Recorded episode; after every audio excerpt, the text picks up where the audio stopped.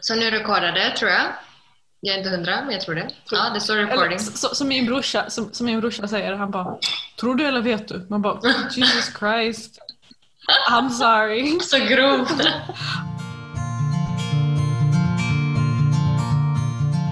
Välkommen tillbaka till Distans, eh, podden med Lana och Nathalie där vi navigerar avståndet tillsammans. Ja, det, det, det, var, det var ett tag sedan ja. Mm. Gud, det, det var, vårt sista avsnitt var ju i ehm, slutet i, i maj månad.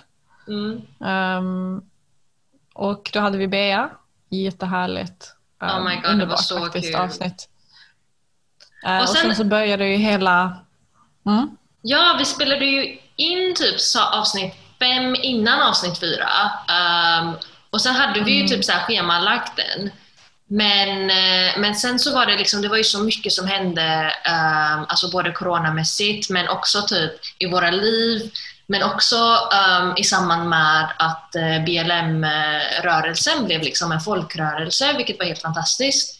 Och eh, fick väldigt mycket uppsving och man såg liksom, Mm. man såg liksom väldigt stora framsteg och väldigt många som anslöt sig till, till den kampen. Mm. Och då kändes det lite så här tondövt att vi hade att vi skulle ge ut ett avsnitt som vi hade spelat in innan allt det hände, som inte typ ens berörde det.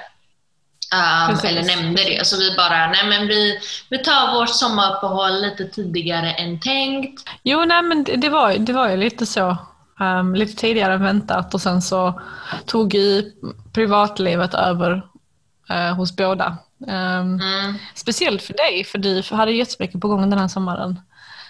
Du fick en valp, du fick ett jobb, du har flyttat i din lägenhet. Mycket, mycket som har skett. Ja, ja, alltså det var, helt, det var helt sjukt. Det kändes som typ allt stod still. Och sen helt plötsligt så fall allting på plats på samma vecka. Um, Mm. Så jag fick... Vad var det jag sa? Vad var det jag sa?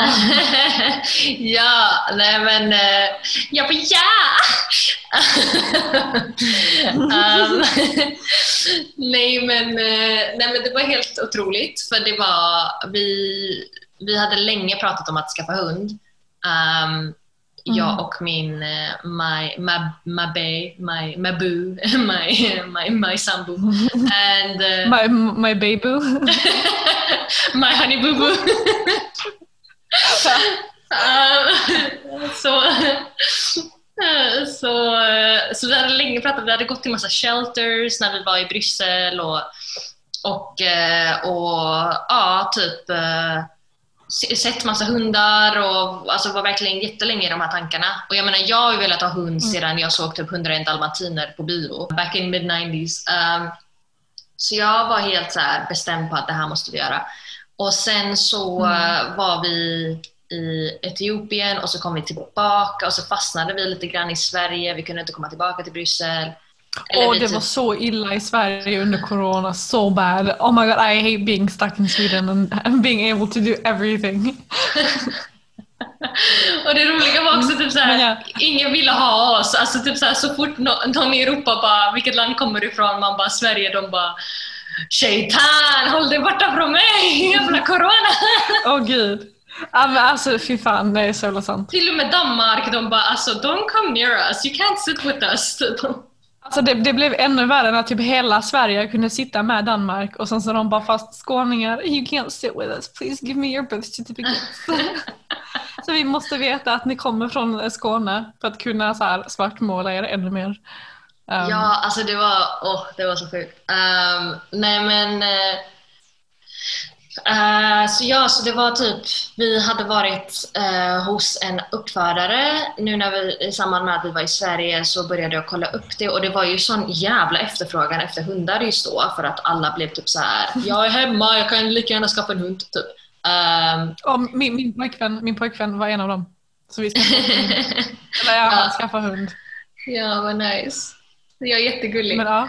Uh, nej men så, så vi hade typ, vi bara nej men vi vill ha en Jack Russell hade vi bestämt. Och sen så hade jag ringt till typ alla uppfödare som fanns registrerade i typ SKK och eh, de, de bara “Gumman, alltså inte nog med valparna som är planerade nu, alla tagna, utan typ tre framtida valpkullar också redan typ så här reserverade och de är inte skapade än” och jag bara “Jesus Christ”. Hon bara “Get in line” och jag bara um, Men sen via typ en bekant på Facebook så, så kom jag i kontakt med en, eh, en uppfödare och sen så åkte vi upp dit och eh, um, träffade vår lille valpis när han var sex veckor och blev dödskära och, och ja, nu är han eh, fyra månader och ligger och sov, sover um, under det här bordet där jag pratar. Oh, man kan nästan höra honom. Och min, min, min hund sover också under mitt bord just nu. Min lilla gamla King Cavalier. Men um, vad tänkte jag säga? Vet du vad det här får mig att tänka på? Uh, du vet det här skitet kronprinsessan Victoria fick ta för sin, för sin lilla valp. För sin Och jag visste inte detta var en grej. Ja, alltså så ett, cockapoo är typ livets sötaste hundar ever, så jag fattar inte ens varför man blir sur. Uh, så här, två, de är fett svåra att liksom få tag i för att de är, det är så hög efterfrågan. Och tre, så här, jag visste inte ens att vi var typ så här neonazister i Sverige när det gäller typ renrasiga och blandrasiga hundar. Alltså, så här, I didn't know that shit. That shit is real. Alltså helt ärligt. Folk typ såhär dödshotade Victoria för att hon skaffade en typ blandras och man bara Jesus Christ. Alltså chilla. Let her live. Alltså, Varför? Men, varför?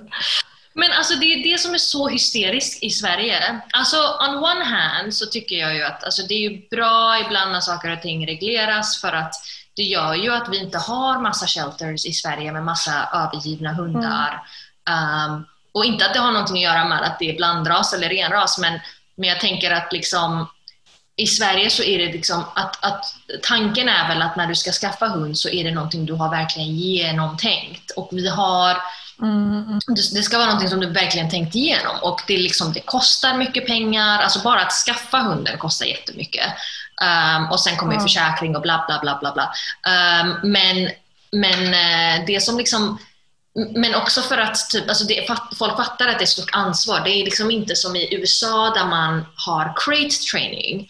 Um, alltså att man lägger dem i en sån här liten box och där ska de vara, alltså mesta delen av dagarna och de ska sova där. Alltså det är verkligen som en liten cell för hunden. Och det är, liksom, det är ju olagligt i Sverige. Och, alltså, jag tror att de flesta av oss tycker att det låter helt sjukt, men det är totalt normaliserat i USA och det, är liksom, det uppmuntras till och med. Typ så här, alla sådana här Mm. Youtube-dagvideos som man ser, eh, de bara ja, ja, nu måste du typ så här crate träna, Mm. träna din valp. Typ. Medan i Sverige så är det, ja, alltså anyway, så typ utanför Sverige så är det typ i alla fall nu när vi är i Bryssel, nu när vi är tillbaka i, i Bryssel ehm, och har lämnat Sverige eh, och, och jag håller distans till dig längre än ever. Ehm, och, och nu ser vi verkligen hur annorlunda det är här. Det är verkligen så här, alla har typ bland, bland, blandras som de har adopterat ehm, och, Mm. och det är liksom det är typ kanske någon enstaka som gått till en belgisk uppfödare men de flesta har liksom adopterat från en shelter och de bara, jag vet inte ens vad det är för ras, typ. det är kanske typ fem olika sorters. Um, och det är liksom ingen som bryr sig. Utan man tänker mer Mm. bara att ah, men alla hundar förtjänar ett hem. Liksom. Um, och Ja. och medan i Sverige är det typ, alltså folk kan bli riktigt jävla Åh, tack så mycket!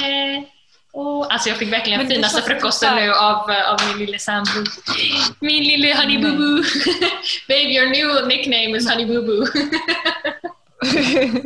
Men typ såhär, det känns som att, du vet den här memen, du vet den här memen online, där det är typ såhär, en, pe- you know, can't get a job because you don't have enough experience, so I can't get a job because you don't, så är det typ sån infinite loop of can't getting a job because you don't have any experience. Precis. Det känns, det känns som att det är samma rekryteringsprocess i Sverige när man ska ha hund. Det så här, Ja, oh my god. du, kan, du kan inte få den här hunden om du inte haft en hund innan. Man bara, men hur, hur ska jag få en hund? Ja, Jag bara, "Ah, men vissa är some, ju... some, some dog has to be my first. Ja, eller hur? Och jag kände typ vissa uppfödare är ju liksom helt sjuka. Jag snackade ju med vissa av dem. Och de bara, Ja, alltså hon, hon typ bara beskriver er situation nu i livet. Och visst, helt ärligt, alltså man är en seriös uppfödare ifall man är intresserad av den som ska köpa ens valp. Liksom. Mm. 100%. Men vissa tar ju det här till överstyr och man bara okej, här du har fått alla mina typ så här, typ så här lönesedel och min skatteåterbäring och typ så här, alltihop, min deklaration, du har fått mitt blod, du har fått min förstfödda unge, alltså what else do you want from me? Typ. Um, men, men typ, eh, det var ju en, eh, en tant som jag pratade med som, gud alltså, hon bara, ah, jag vill inte ha någon som typ jobbar för då, då går de till jobbet och stick, alltså lämnar den här hunden ensam. Och jag bara, ja fast vi kommer jobba typ hemifrån en del, eller min sambo kommer jobba hemifrån en del så det är, liksom, det är lugnt. Hon bara, ja fast planerar ni att skaffa barn en dag? Och jag bara, det vet jag inte men kanske typ så närmaste... Ja, vilken tid. opersonlig fråga. Ja, eller hur? Och jag bara, ja men kanske närmaste typ så här, jag vet inte, 5-10 åren någon gång. Typ så här. Och hon bara, ah, nej men det är du, nej, då har inte ni tänkt igenom det här. Och jag bara, okej okay, så ingen som tänker skaffa barn får, kan inte få en valp från dig? Hon bara nej, nej och så jag bara okej okay då men om man har haft barn, om, om man har redan fött dem och de finns. Hon bara nej men jag vill inte ha några barnfamilj heller för att då har inte de tänkt igenom. För du vet så här, ska de skjutsa ena ungen till skridskon och den andra till basketboll, ja men vad händer med hunden då? Och jag bara okej, okay, så det ska vad, Och så till slut jag bara, okej, okay, vad är din ideala hundköpare? Och hon bara, det ska vara helst någon gammal person som liksom är pensionerad, inte har några jävla ungar och barn, barnbarn, utan de sitter i en stor gård i, i, liksom i grönaste Sverige och sen så ska de liksom bara ha tid för den här hunden. Bara, men alltså det låter ju som du beskriver det själv. Alltså, maybe you should just keep all of your dogs if that is mm. like your requirement. Um, så, sa du det till henne? Alltså nej, men, men i min huvud sa jag alltså, Du vet när man ska spela tuff och sen, sen i real life man bara ha det så bra, ha en bra dag, älskar dig, hejdå! Och sen man bara jävla kärring. du bara nej men jag tänkte det. Men gud vad, vad men herre, herre min skapare. Alltså ett, det är ju så, det är så personligt och frågan om, om man har planerat barn, tänk så kan man inte ha barn och liksom och bara, men va? Typ så här, klart, du, du, kan inte, du kan inte ta hand om en hund om du inte har en inkomst. Du har ju inte en inkomst om du, om du inte har ett jobb och jag fattar inte logiken. Alltså. Exakt. Man bara, how, how you work, me no comprende. men hur har, hur har din sommar varit? Alltså jag måste bara tillägga, jag, jag, ska, kom, jag kommer ja, ja, till det, men jag måste bara tillägga. Du vet det, här, det där du nämnde om typ eh, hundar i USA och hur det är så här eh, sjukt i Sverige att man, att man gör det. Liksom. Att man cradar dem och så vidare. Mm. Eh, jag kommer att tänka på typ i juggan är det jättenormalt att du så här, binder fast din hund utanför ditt hem och så har de liksom en hundkoja och sen så kan de inte röra sig mer än, än liksom mer än runt hundkojan så länge, så, så länge liksom själva kopplet eh, tar dem. Eh, mm. Och det är typ, alltså så många, många typ eh, Många turister har ju så sett hem där man har haft, där man har haft det så liksom på utegården och bara liksom Oh my god we gotta save these dogs! They're being tortured. Uh, och typ bara tyckt att det varit så barbariskt men det är så sjukt för att det är så normaliserat där. Så man, mm. så people folk ser ju inte någon skillnad. Alltså. De tycker inte det, det är något fel på det. De tycker det är jätteonormalt att ha typ hundar som sover på din säng till exempel. Ja, ja, ja det skiljer sig så mycket. Mm. I typ Iran är det typ tvärtom. För Iran är det förbjudet att ha hund. Så såklart så alla människor hund, du vet. Fuck the popo, I'm gonna get myself a puppy. De bara, jag är rebell. jag skaffar hund. Men ja, hur som helst så, så typ, jag, har ju, jag känner ju de i Iran som har hund.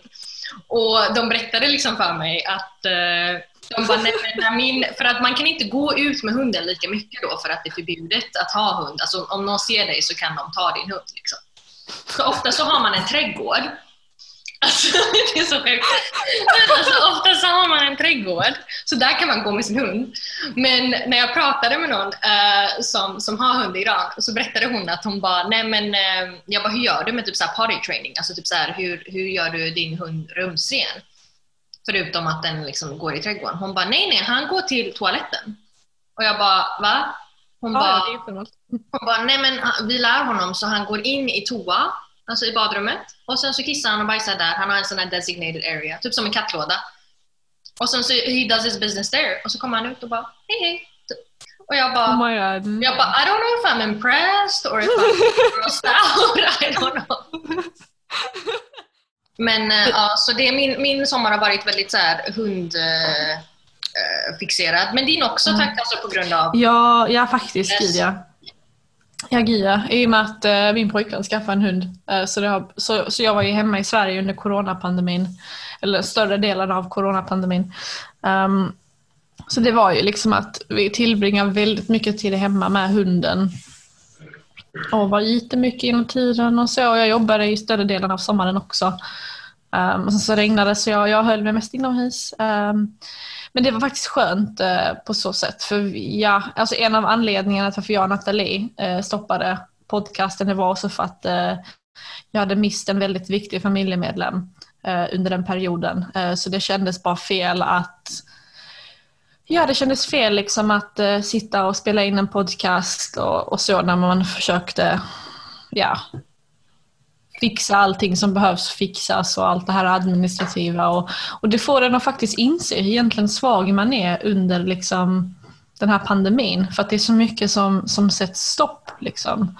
Uh, men vi, så här, vi pratar om länder som typ uh, som, förbjö- som liksom, eh, ser Sverige som värsta shaitan-landet. Eh, och det var lite så typ i mitt fall, jag kunde inte närvara på, på begravningen och jag kunde liksom inte åka ner till Bosnien för att delta i, på begravningen och allt det här. Eh, och det är just för att man, man har den attityden mot Sverige. Um, så det har ju inte, alltså typ in that sense så har det inte varit så världens bästa sommar utif- utifrån om man bara kollar på det. Men det har varit alltså, så en ganska självreflekterande semester och eh, sommar. Eh, och jag har ju haft lilla valpen och pojkvännen som fantastiskt stöd och hela familjen. Så, så det, har varit, det har varit nice. Alltså, man behöver ju man behöver kanske ha sådana här stunder i livet också. Eh, Allt kan ju liksom inte vara fantastiskt bra hela tiden. Eller hur? Ehm, så, det, så det har varit min sommar. eh, väldigt så självreflekterande, väldigt så, ja, jobba mycket. Ehm, ja. Men det har varit, det har varit bra. Jag, jag, kan, jag kan inte klaga. Jag, jag har liksom tillbringat mycket tid med mig själv också, vilket jag inte gjort på länge. Så det har varit jätteskönt också. Mm, mm. Man behöver det liksom. Ja, så hemskt ehm, att, eh, att du fick gå igenom det i sommar. Men eh, jag känner liksom the silver lining var väl ändå att du var med din familj. För jag kan tänka mig att om du var fast i, i Storbritannien och inte kunde ta dig till Sverige. Ja, ehm, gud, det hade varit så varit, det hade varit så mycket värre. För jag vet att du liksom var väldigt så här fram och tillbaka mest. Alltså, under våren att ska jag åka till Sverige, ska jag inte åka till Sverige, ska jag stanna Mm. i Storbritannien och bara typ rida den här uh, coronavågen i, i Sverige, Mm, eller mm. i, i Storbritannien, men sen så kom du ändå. Um, Mm och det, Och det, var, och det var så värt, för till exempel det sjuka de har gjort här nu, det är typ så här, vi har ju inte gym, alltså vi har ju inte haft eh, gym öppna på typ fem, sex månader i Storbritannien. Och till exempel man har ju, man, man har ju kunnat liksom vistas ute och på fik och liksom gymma och ja, fan simma och ja, ha alla dessa roliga aktiviteterna som är faktiskt väldigt viktiga för ens mentala hälsa och liksom ditt, ditt kroppsliga välmående. Så det har varit fantastiskt. Men det har man inte haft i Storbritannien. Och det är sjukt för det har de fortfarande inte ännu. Och jag, jag har liksom varit tillbaka här i en och en halv månad. Eh, och så här, man har istället nu är typ government typ initiatives så man kan typ vara ute och äta snabbmat för typ, eh, för typ halva priset. Bara för att man ska hjälpa liksom, eh, olika restauranger och så vidare. Vilket, vilket är nice. Men det är så det här med att okej, det är snabbmat. Eh, alla pubbar är öppna, så det är liksom återigen den här eh, kulturen av, av alkohol och festande. Men människor får inget utlopp för liksom de här fem, sex månaderna de har tillbringat i isolation för att de kan inte de kan bara gå ut och springa och liksom så här, de, vadå, de fick typ, det var, det var typ, de kunde ju bara gå ut en gång om dagen för daily exercise och mycket sånt. Så det, ja, man, är, man är så jäkla tacksam över att ha varit i Sverige. Där det inte varit så. Alltså jag kommer ihåg när, när jag kom tillbaka hit så tyckte jag det var skikt att man liksom ett ska behöva sitta i självisolering eh, på det sättet. Men sen, sen så är det, också, det, det, det kändes lugnt. Jag, jag liksom fattar det ansvaret men typ att behöva gå in med mask och sånt där eh, in i en affär, det var faktiskt en väldigt konstig grej för mig. Jag var inte van vid det. Eh, och så. Men, jag känner, ja. ja. men det var samma för, eh, för oss. Um, för man känner ju verkligen att man har bott på en annan planet. Mm, mm. Så, fort man, så fort man lämnar Sverige och man bara, oj, det är, det är pandemi. Mm. Så när vi kom tillbaka till Belgien så, så har det varit krav på att man ska ha mask på sig liksom, överallt mm. så fort du lämnar ditt hem. Liksom. Uh, och det liksom, visst, vi var, det, det, tar en stund att vänja sig men det är inte så farligt. Liksom. Nej. Um, nej, nej. Men alltså, sen ser man ju också att väldigt, alltså det har blivit, man ser ju väldigt många så masker, alltså så engångsmasker som ligger och skrapar på marken.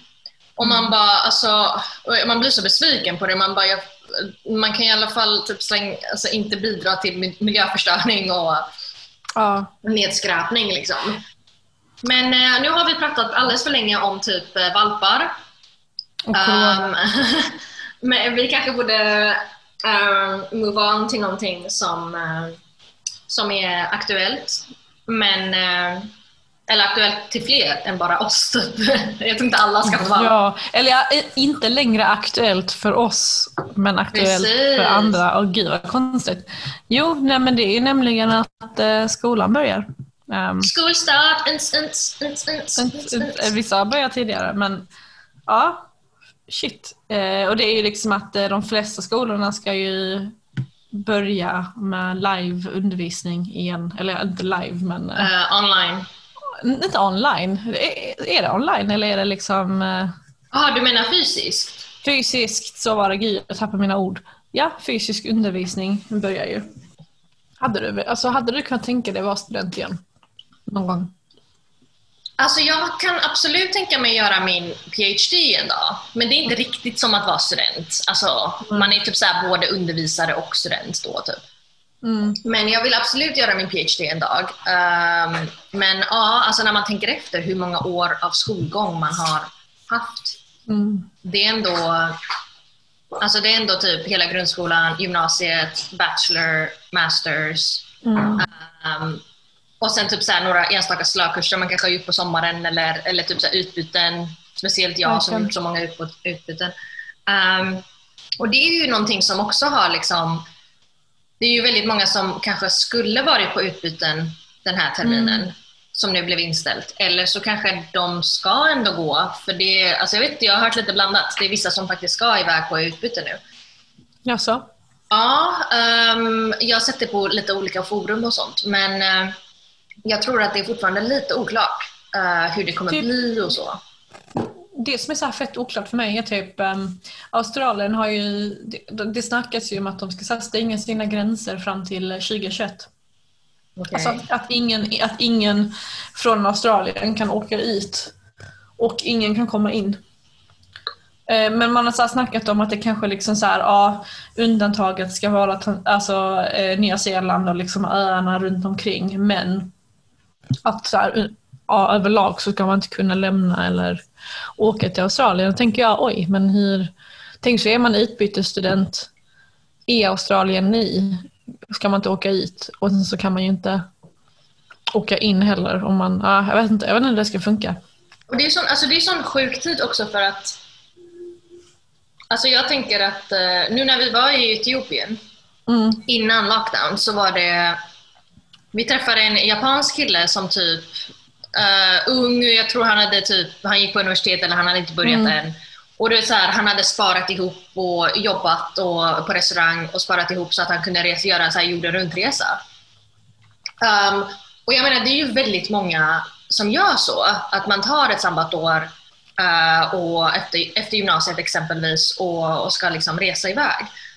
Mm. Och jag tänker att det är, liksom, det är nästan en, okay, kanske inte en hel generation, men det är ändå ganska många som kommer inte kunna få göra så. Det kanske ja. varit deras plan. Du, kanske, du som sitter och lyssnar, du kanske hade tänkt åka iväg nu mm. på någon jorden runt-resa som du hade sparat pengar till. Och, och nu ser det väldigt så blekt ut. Uh, och, och gud vad tragiskt. Liksom. Det, mm. För det är ju verkligen någonting som jag känner att jag är så tacksam att jag gjorde, för det fick mig verkligen att gav mig verkligen en stor tankeställare för liksom, ja. vad vill jag göra med mitt liv? Hur vill jag bidra till att göra den här världen lite, lite bättre? Mm. Och vad är, vad är min roll i den här världen? Liksom? Mm. Um, och, och det, det är, så, det är ja, jättesynd om man inte får göra det, men jag känner liksom att... Du kanske planerade på att resa och nu får du liksom ta något jobb eller liksom vara kvar på ditt jobb som du var så taggad på att kunna slita. Eller du kanske hoppat på någon utbildning bara för att kunna hålla dig själv sysselsatt. Det är just typ så här, det är ju nice med extra utbildning. Alltså all kunskap är ju bra kunskap. Um, men det är så sorgligt att du kanske inte är där du vill vara. Mm.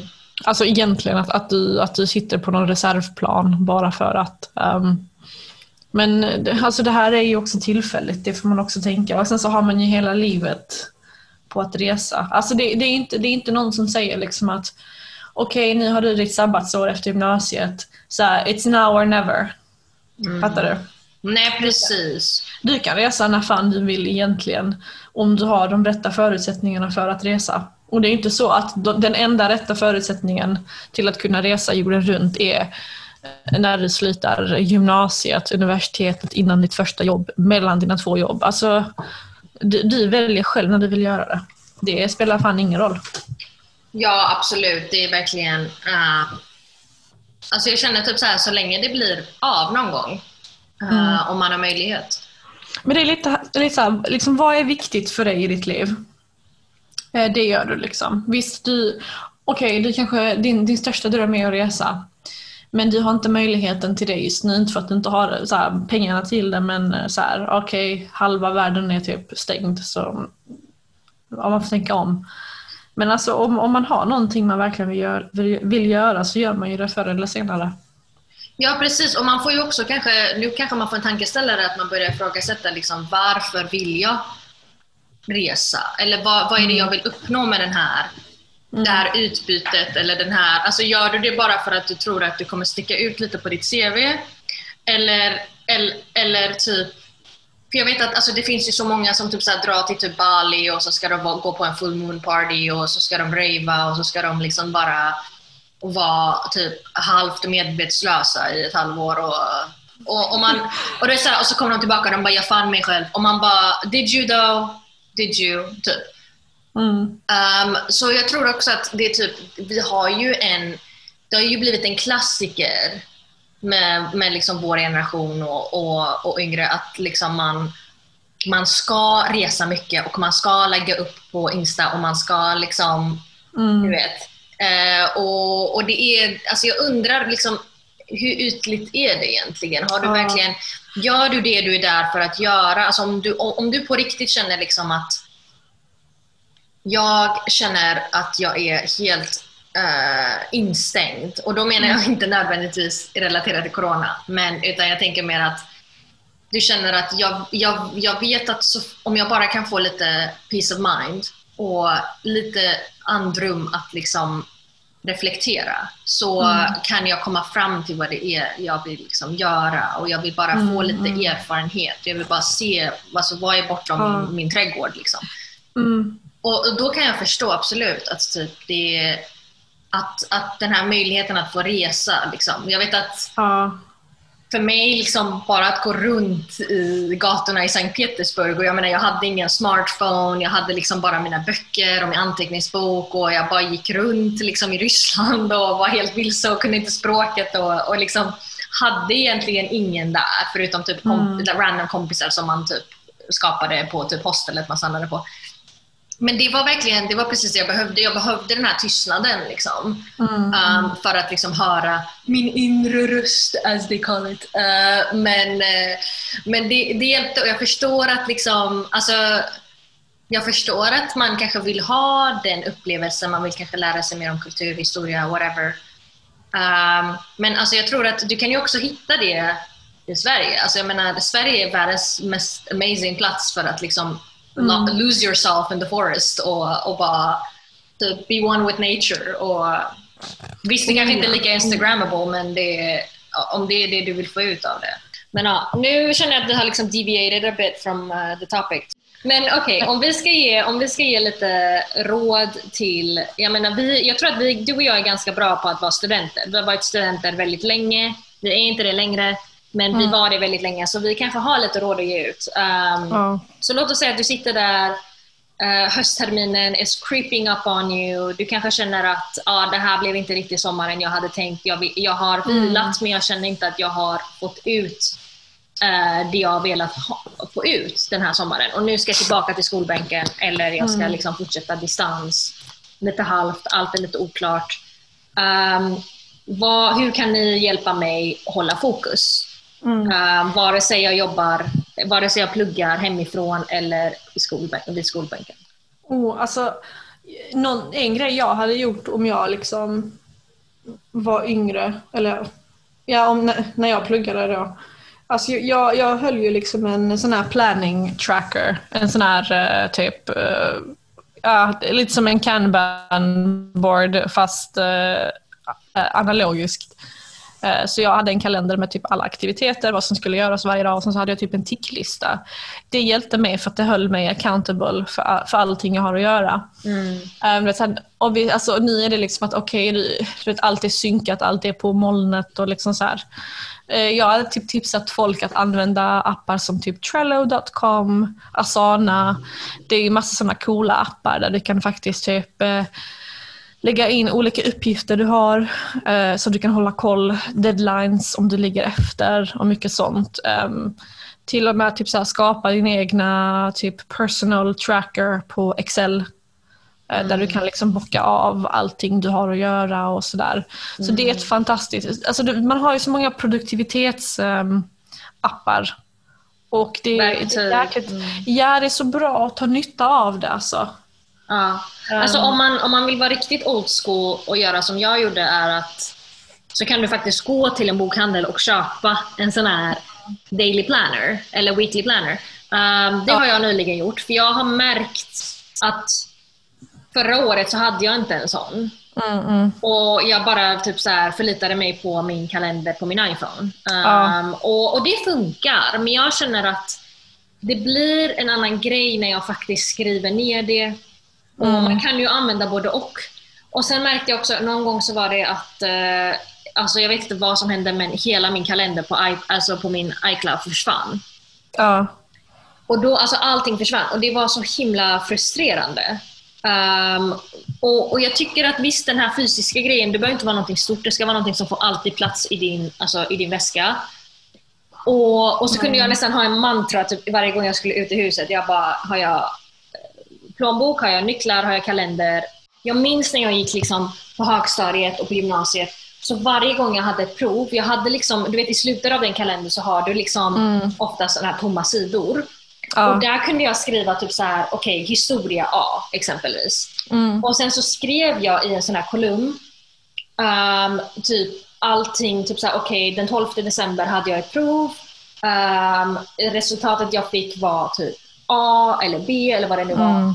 Um, och, eh, och sen så hade jag det, så hade jag liksom en hel lista på vad jag hade fått för betyg i varje kurs, varje ämne, så hade jag en egen översikt. Och jag vet att det kanske låter jätte old school och kanske som mycket jobb, men alltså när du väl kommer in i det och typ så mm. bullet journaling, alltså om man är inne på typ om man har sett lite videos uh, online på typ så folk som gör såna bullet journals, alltså mm. alltså man kan, you can really get into it. Och det är typ och visst, det är inte så att du ska liksom lägga mer tid på att skriva upp uppgifter eller skriva ner uppgifter än vad du faktiskt lägger ja. tid på uppgifterna. Vilket också är en fälla. Men, jo, men det kan absolut alltså, motivera en. Och, mm. och typ så här, om man går in och sen så börjar mm. söka för typ dark academia. Och där finns det typ så här en hel alltså, värld av olika så här, inspirational quotes and pictures and moodboards Mm. för hur man verkligen alltså, förälskar sig i studerandet och pluggandet. Mm. Och, och att lära sig. Och, för du vet så här, det beror ju på lite grann vad man har för miljö. Om man Ja. inte går i samma klass som människor som kanske tycker att det är superviktigt att få bra betyg och inte Mm. ha stora drömmar. Eller det ingår helt enkelt inte i ens um, alltså, om, vad blir det, umkrets? Nej, um, Omgivning. omgivning. Liksom. Ehm, så, så tror jag att det kan vara, alltså, det kan vara svårare, det kan vara en utmaning att känna att uh, okej, ingen annan gör det jag vill göra och bör göra. Och då tror jag ibland att Mm. om du kan liksom virtuellt connecta med människor som tänker som du så kan det hjälpa oerhört mycket. Ja. Men, men jag tror också typ att när man, när man är gymnasieelev så kan det vara så svårt. Bara för att så här, du har så många olika ämnen. Och du, vet, och du har inte så mycket tid eh, till att plugga. Alltså, du, du måste, låt säga du har typ så här sex, sju ämnen du ska plugga till. Eh, allt från svenska, engelska till matte till typ inte, kemi. Och alla, alla dessa ämnen är väldigt olika från varandra. Så det är inte så typ att du kan sitta och typ fördjupa dig i matematik. eh, För att du måste göra allt det andra som väntar dig. Um, så, jag, så, jag tror, så jag tror typ för gymnasieelever kan det vara väldigt svårt. Men därför kan det vara också väldigt nice när man kommer in liksom på en utbildning på universitetet. För då, då är det liksom en fördjupad utbildning inom någonting och då har du all den här tiden att verkligen fördjupa din kunskap i någonting. Och liksom, eller jag, jag vet inte, men jag kände så Nathalie, typ när jag pluggade, att, att det var, när jag var i gymnasiet, att det var så svårt att bli duktig på en grej eller på flera grejer. För att man hade så mycket annat att tänka på hela tiden. Du hade inte liksom tid. Men du läste ju också på IB som är Alltså, så mycket svårare. Men det är så här, nja, alltså jag vet inte om jag skulle hålla med där för att jag tycker det är jobbigare att vara svensk gymnasieelev för du har ju alla de typ 10 miljoner kurserna Mm. du måste göra liksom. Ja, precis. Vill du berätta lite Eh. kort om IB för de som inte vet vad det är? Ja, alltså International Baccalaureate det är typ ett, em, ett internationellt gymnasieprogram som finns i hela världen. Där själva utgångspunkten är att du pluggar liksom två år för att få ett IB-diplom och du pluggar sex ämnen. Eh, tre på högre nivå och, eh, tre på lägre nivå. Och det är liksom motsvarigheten är liksom att ja, du kanske pluggar fördjupad fysik, eh, typ fysik 5, fysik 4, 5. Eller så kan du plugga det liksom på lite lägre nivå. Så du har de sex ämnena och sen så ska du typ göra liksom så här community hours och massa sånt där. Typ, eh, i, i typ 360, nej, alltså i några hundra, typ 100 timmar för att kunna få ett IB-diplom samtidigt som du skriver ett gymnasieprojekt. Så det är liksom hela programmet i ett nötskal. Um, och för att få ditt diplom så sitter du, um, sitter du sista året i maj månad och gör massa prov. Så du blir testad på all din kunskap liksom på en månad sista året. Vilket i sig kan vara väldigt hektiskt för att din, hela din gymnasieutbildning och dina slutbetyg baseras på maj månad och hur duktig du är när du gör de proven. Så, det, så det, det i sig är stressigt, absolut. Men ja, så det är IB ett nötskal. Eh, Och det, ja, det, det är ju liksom, det är inte kul att gå igenom det. Men Ja, det finns ju för och nackdelar. Jag menar med det svenska gymnasiesystemet, så som, alltså, den som jag gick, eh, den traditionella, så är det ju också att eh, då, om du har varit lite lat och skoltrött och inte riktigt gjort ditt bästa i början, så släpar du ändå med dig de betygen från, Ja. du, från att du är 16 tills du liksom går ut och tar studenten. Och jag vet att det har nu varit förslag till eh, att de ska liksom ändra det systemet så att det ska bli lite mer som IB. Men samtidigt så är det ju också såklart superstressigt om det är så att man har en dålig månad just när alla de här eh, oh, ja. exams infaller och helt plötsligt Alltså, kan man ha varit superduktig hela gymnasiet och sen så bara faller allting. Exakt, och det är så här typ, du, du kanske är skitduktig eh, på matte men sen så får du liksom en fråga på det här provet som är liksom tio följdfrågor och du fattar inte för att du bara fan alltså it's not my day today. Och så, och liksom så, här, så kan du gå miste om ett betyg eller liksom du kanske har feber och du bara mår inte bra. Eller någonting har hänt. Du vet, och det, det, det, är inte så typ att IB bara, okej okay, du kan sitta det här provet eh, ett annat tillfälle i maj månad, utan det är så här, du dyker upp och gör det eller så gör du inte det. Precis. Eh, så det är liksom att då får du kanske, om du inte är klar med ett prov så får du göra om det i, eh, i november månad, men sen så får du också betala för det och så massa sånt där. Alltså det är ju jag tror att IB är ju perfekt ifall du ska plugga vidare sen, för det förbereder dig verkligen för jag menar, när, eh, under min utbildning på juristprogrammet i England så var det ju liksom precis så. Det, mm. du har, det, ja. finns, det är bara en tenta som avgör hela ditt betyg för den kursen. Och det finns inga omtentor. Jo, det finns en chans till omtenta slutet av sommaren om du flyger mm. tillbaka mm. hit och gör det här provet, och du, men du kan inte få högre än godkänt. Och ja. i UK så är det jättestor betygshets. Du måste få väldigt bra betyg på universitet. Så jag menar, men om du ska plugga i Sverige där det är lite mer så här, mm. och du vet, du har hur många timmar du vill, eller det vill säga, mm. man kan mm. sitta typ sex timmar i, salstentan och göra den medan i UK så har du bara typ en timme per fråga. Alltså jag tror typ i UK är det mer typ att om du kuggar det provet så är du körd. Medan i Sverige har du möjlighet till omtenta vilket är nice. Um, men det är också typ så här, ja du kan ju bara ha ett x antal omtentor tills du kanske inte kommer in i nästa del av ditt program. Men alltså jag, jag, jag kan säga så här att IB var tufft, ja. För mig personligen, yes.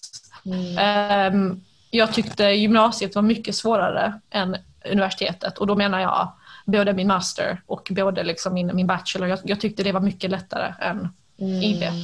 Men det är också för att jag tycker om att skriva så det den här research-delen där man sitter och skriver essäer funkade jättebra för mig. Mitt problem med IB är dock när alla ska tycka liksom Alltså, det är typ IB-elever som tycker att det de har pluggat är det, så här, det tuffaste eh, och det är, så här, det är mycket bättre än allt annat. Mm. För det är det ju inte. Alltså it's, it's different for everyone. Typ. Någon, någon kanske gynnas av IB, någon kanske inte gynnas. Jag, jag, jag vet inte riktigt. Jag tycker inte jag... Jag gynnades av IB, yes, enligt så här, den här äh, arbetsetiken och äh, att kunna hantera den typen av stress vid så ung ålder, absolut. På det sättet gynnades jag och det, det, det förberedde mig väl. Men det fanns många problem med min IB-skola som jag inte tänker gå in i just nu, men liksom där, där jag kanske tänker att fan, det hade kanske varit bättre för mig att, mm. att ha gått en, en, en svensk skola. Ja, alltså jag, för mig var det typ, jag tyckte att gymnasiet var en liksom, jag trivdes men samtidigt så känner jag att jag liksom, det var en tid där jag började ifrågasätta väldigt mycket. Och på så vis så känner jag ändå att jag är tacksam att jag gick på en svensk gymnasieskola där det fanns möjlighet att göra omprov och det fanns ja. möjlighet att utvecklas och, och sådär. Även om man fick ibland släppa med sig lite sämre betyg. Uh, så gick det ändå bra till slut. Uh, mm. men, men jag tror verkligen att jag behövde det här uh, lite mer stränga systemet när jag läste mm. på juristprogrammet. För jag tror att om jag hade läst i Sverige, alltså jag känner att jag hade inte haft typ så här the incentive att liksom att, att mm. bli klar. Utan jag hade hela tiden skjutit upp tentor, jag hade hela tiden, mm. medan typ i UK det var liksom du gör det idag, du stressar mm. sönder, ja såklart, men du får gjort det. Mm. Och, och det är liksom done is better than perfect. Och, och du vet så här, du, jag, fick, jag tog faktiskt examen då jag skulle tagit examen. Uh, och jag fick de betygen jag ville ha. Och jag tror att visst man får mm. pusha sig själv, men men jag, jag kom ändå dit medan jag känner att liksom väldigt många som jag känner som började plugga samtidigt som mig, men de pluggade i Sverige. Ja. Alltså de är fortfarande inte klara med sin examen. Och, mm. och, jag känner att jag hade lätt kunnat vara en av de där personerna som hade bara Nej, men det är inte, jag har inte pluggat tillräckligt. Jag skjuter upp det här. Mm. Och, och så är man aldrig nöjd och så har man massa kurser efter sig. Mm. Och, och, det är så en jäkla hemsk känsla för då har man fastnat och så helt plötsligt kan man inte få mer CSN mm. och sen så är det, alltså du vet. Det är, ju det är mycket sånt. Ja. Så jag tänker Nej, också typ- absolut. Så du som ska börja universitet exempelvis och lyssna på det här, alltså, försök verkligen inte hamna i den sitsen. Um, för det, det, är så otroligt frestande att, att, liksom, att bara, nej jag skjuter upp det. Men det kommer, mm. det, det kommer liksom uh, snöbolla mycket fortare än vad du tror. Ja. Och, och även liksom, så här, speciellt de som kanske har tagit studenten och som inte är nöjda med sitt betyg. Alltså, om det är IB-elever eller alltså så här, folk från svenska gymnasieskolor. Jag vet hur det känns. Och jag vet att så här, man har ont i magen för att man tror att eh, det definierar liksom hela din framtid. Men det gör det ju inte. Alltså man har så många lösningar på det. Man kan alltid läsa upp sina ämnen. Och, och, det, och det är typ ännu bättre att bara göra det för att då kan du få ännu högre betyg och komma in på det du vill. Ehm, du har ju högskoleprovet också. Du har ju du har ju sådana här tekniskt basår om du liksom så är klar med estet och du bara fan, jag vill bli läkare. Alltså mm. du har ju alltid tekniskt basår, du kan alltid plugga utomlands. Ehm, det, finns, alltså, det finns så många lösningar. Och, du vet, och jag kommer ihåg när jag fick mitt första jobb så tänkte jag att mina gymnasiebetyg skulle definiera om jag kom in i rekryteringsprocessen och jag var så orolig för mat mattebetyget för att i och med att det här är liksom ett, ett accounting eh, ett accountingföretag eh, i sig själv så tänkte jag liksom att okej, okay, om de ser mina mattebetyg som är så godkända så kommer de kanske inte tycka att det här är den prestigen de söker och säga nej. Och då, kom jag, då blev jag så insnöad på den här tanken av att jag skulle bara gjort bättre när jag pluggade gymnasiet. Eh, men det behöver inte vara så. Eh, och jag tror att om du, om du är i den situationen nu där det bara fan jag har inte så bra betyg. Alltså ett, det går alltid att lösa. Två, alltså det kommer inte stämpla dig för resten av ditt liv. Och det är bara att man måste, man måste liksom försöka tänka lite annorlunda. Ja, och om du, alltså, om du känner att du kommer inte in på ditt förstahandsval för universitet. Mm. Um, alltså, we've all been there, we've all done that. Och det, ja. alltså, det löser sig. Det är liksom Gör mm. det bästa av det. Gör det bästa mm. av det, mm. för du vet inte liksom att, att du vet inte vad, jag känner de som kom in på sitt drömuniversitet men de trivdes liksom inte alls. Mm. Och, och jag tror att liksom make the best of it och, och, och sen så kan du alltid söka tillbaka dit på, alltså senare i livet på din master eller på utbyte eller vad som helst. Liksom, dörrarna är inte stängda.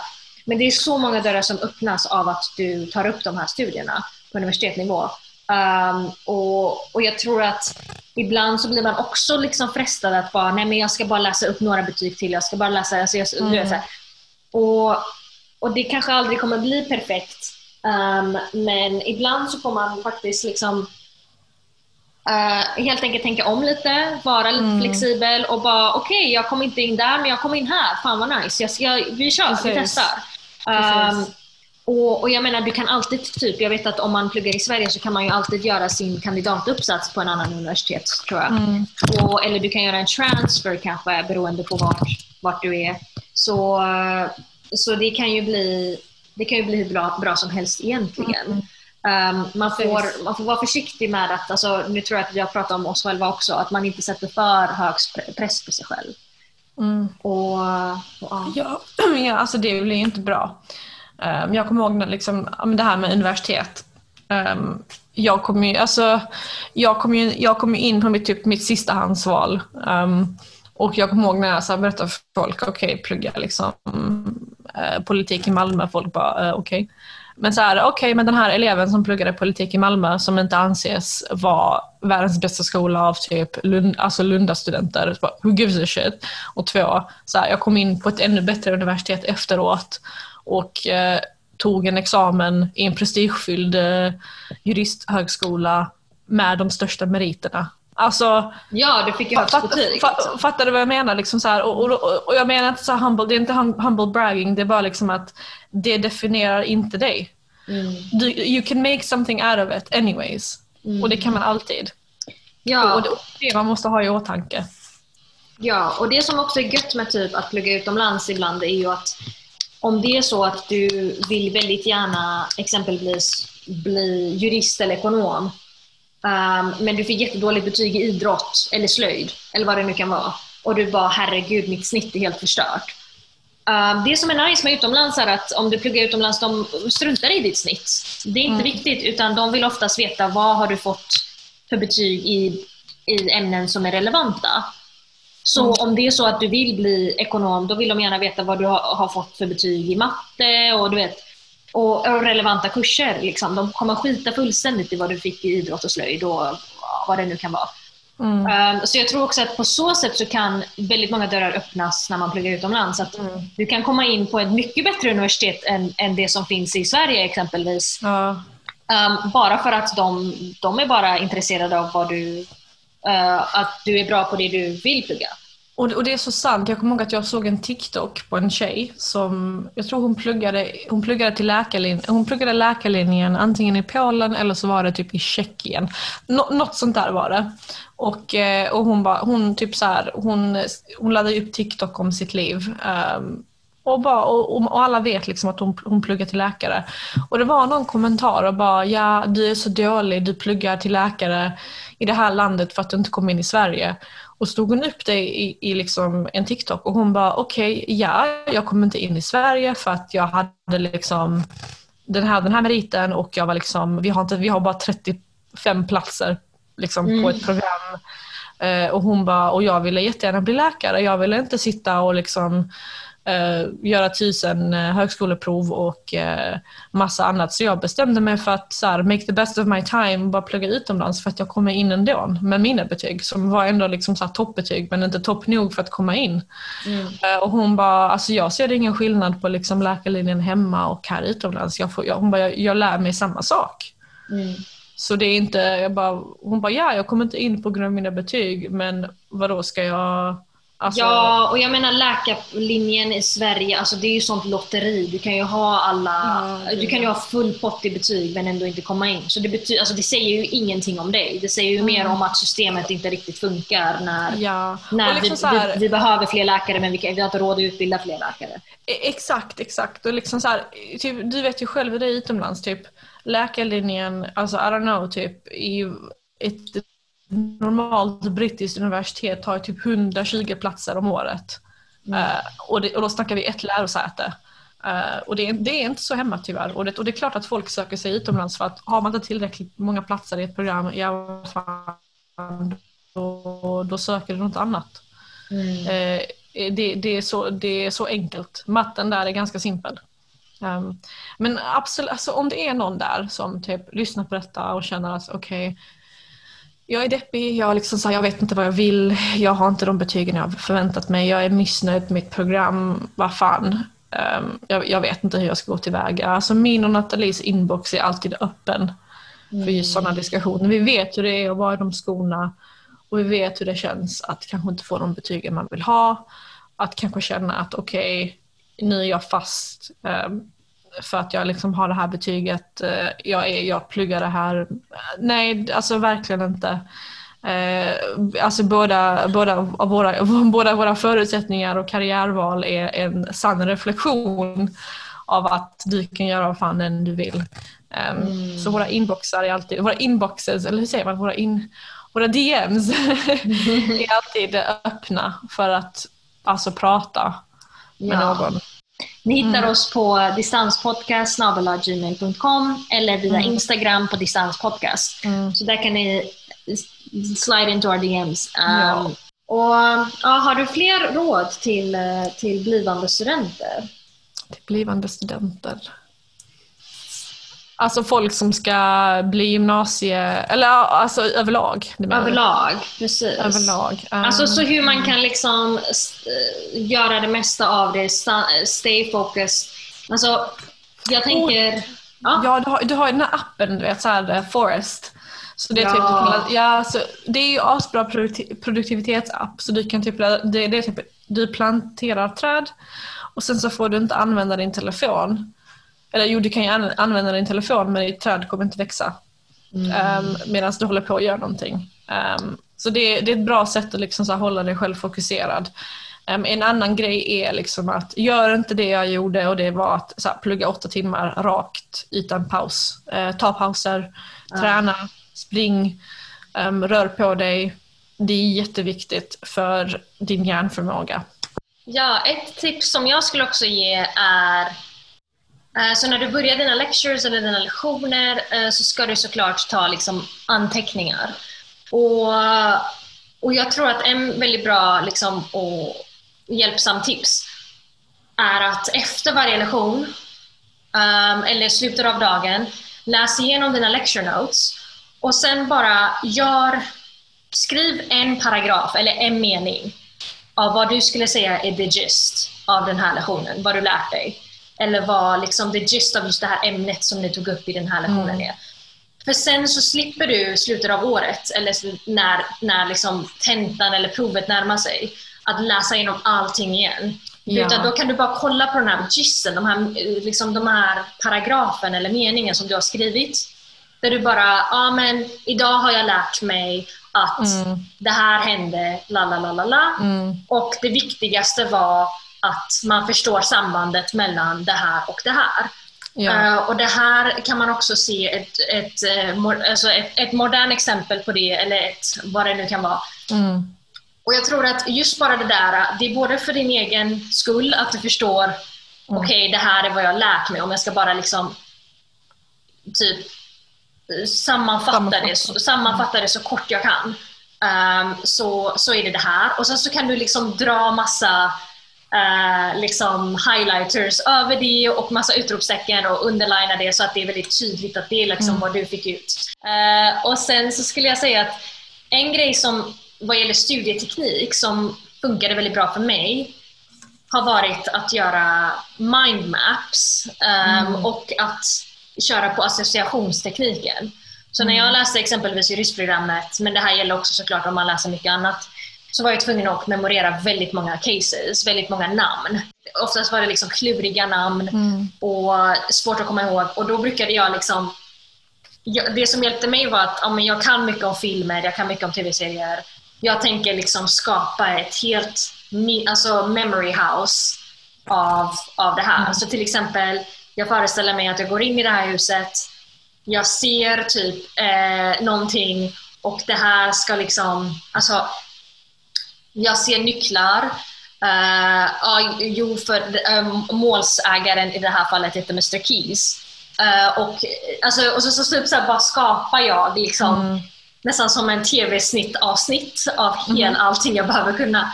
Och då kunde jag exempelvis, typ så här, om jag behövde komma ihåg att ja, men målsägarna hette typ eh, Cohen, så tänkte jag att ja, men Seth Cohen from the OC, eller vad det nu kan vara.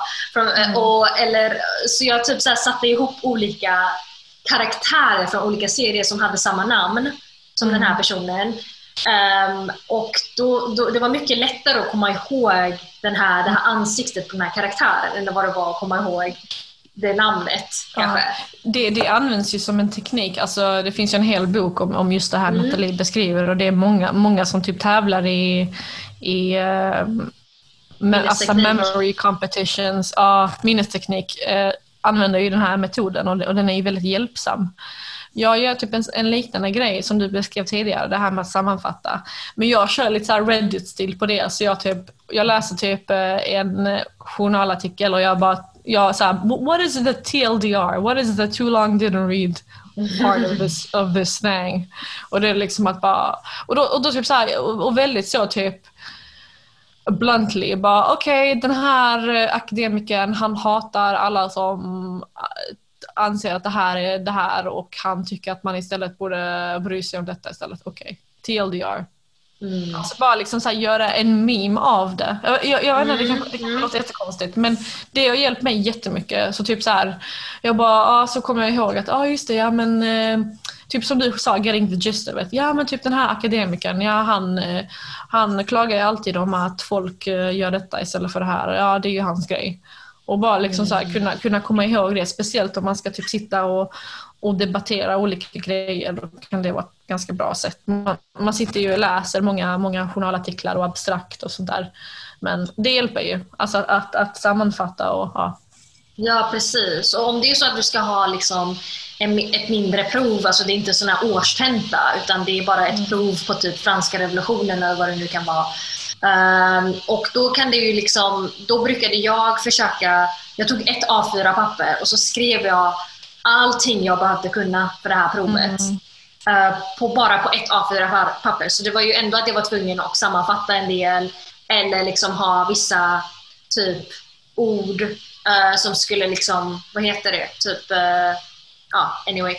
Eh, och jag skulle, så, och så, så på så sätt så behövde jag bara memorera Mm. det här pappret. Mm. Um, och då kändes det inte lika överväldigande som att bara okej, okay, sida 48 till 96 i den här boken och sen sida 12 till 14 mm. på den där boken och sen så var det två artiklar också som han hade skickat oss. Och, alltså du vet, this too much. Man blir jätteförvirrad. Mm. Um, så jag kände liksom om man kan bara kondensa det in till ett, en sida. Uh, och så kan man, behöver man bara lära sig det, de här årstalen, de här namnen.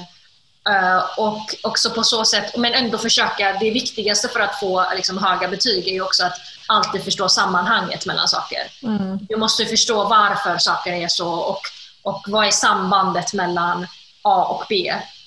Mm. Och, och, kan du förklara det, det är ju där du kritiskt tänkande och, och liksom djupare förståelse ligger.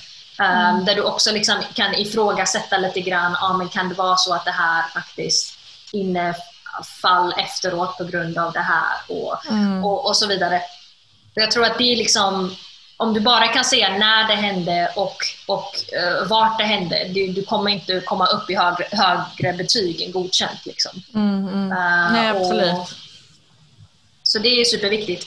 Jag tror att vi har gett uh, ett par bra tips. Det är kanske säkert saker som folk har eventuellt hört innan, men, mm. men det har varit saker som har hjälpt oss. Man, det är väldigt viktigt att typ så här, om du kan läsa någon sån här läs ett artikel om så här studieteknik och testa dem lite grann. Se vilken som funkar mm. för dig. Nu innan allting rullar igång liksom, på, på högre nivå. Så, så typ bara se vad som funkar för dig. Är det associationsmetoden? Är det liksom att du bara måste skriva saker om och om och om, och om igen tills du fattar? Hjälper det om du spelar in dig själv um, när du läser upp det och så lyssnar du på din inspelning?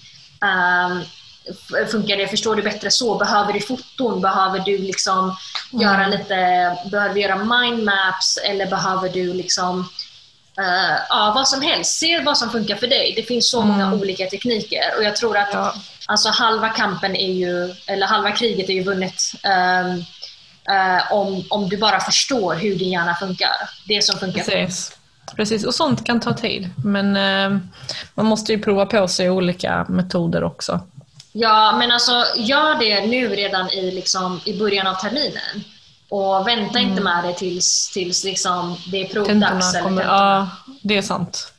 För då har du liksom hunnit förstå hur din hjärna funkar bäst och, och så kan du liksom mm. använda det till din fördel. Och då kanske du blir en sån där person som folk bara, men hur får hon högst betyg när hon inte alls pluggar lika länge?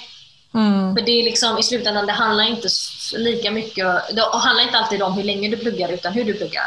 Ja. Um, om du pluggar det, smart så, så sparar du Ja, det är så, det är så work, uh, study smart, not hard. work, work smart, not hard. Och det, det, är lite så. Och, och som Nathalie sa, försök att förstå sammanhanget. För att så fort du förstår logiken bakom någonting så kommer ju alla pusselbitarna trilla på plats också. Mm. Och våga, alltså, våga gå utanför vad din lärare har sagt. Liksom. Ibland så får man vissa skolböcker som var skrivna i typ på 80-talet Mm. Och, och man bara, alltså det känns, det känns, alltså man förstår inte riktigt. Mm. Um, och många gånger, gud, alltså när jag tänker tillbaka på mina typ historieböcker från högstadiet, de är ju så otroligt förenklade. Oh. Um, och de bara, så här är det. Och man bara, fast nej, det faktiskt råder väldigt mycket delade meningar om det faktiskt var så. Uh, och, och, såklart, du behöver inte vara världens liksom, historiker för ett liksom, prov i åttan, men uh, eller på gymnasiet. Men, men jag tror att om du vågar gå lite utanför vad din lärare har, har liksom gett som required reading och, och vågar liksom läsa på lite mer, då kanske du förstår mm. bättre och du vågar ta upp de här poängen på, mm. på provet. Och det kan göra så att du får högst betyg. Precis. Precis. Mm. Men eh, det var faktiskt allt för idag. Det blev eh, lite allt möjligt här idag. Ja. Vi önskar alla en eh, väldigt lyckad skolstart.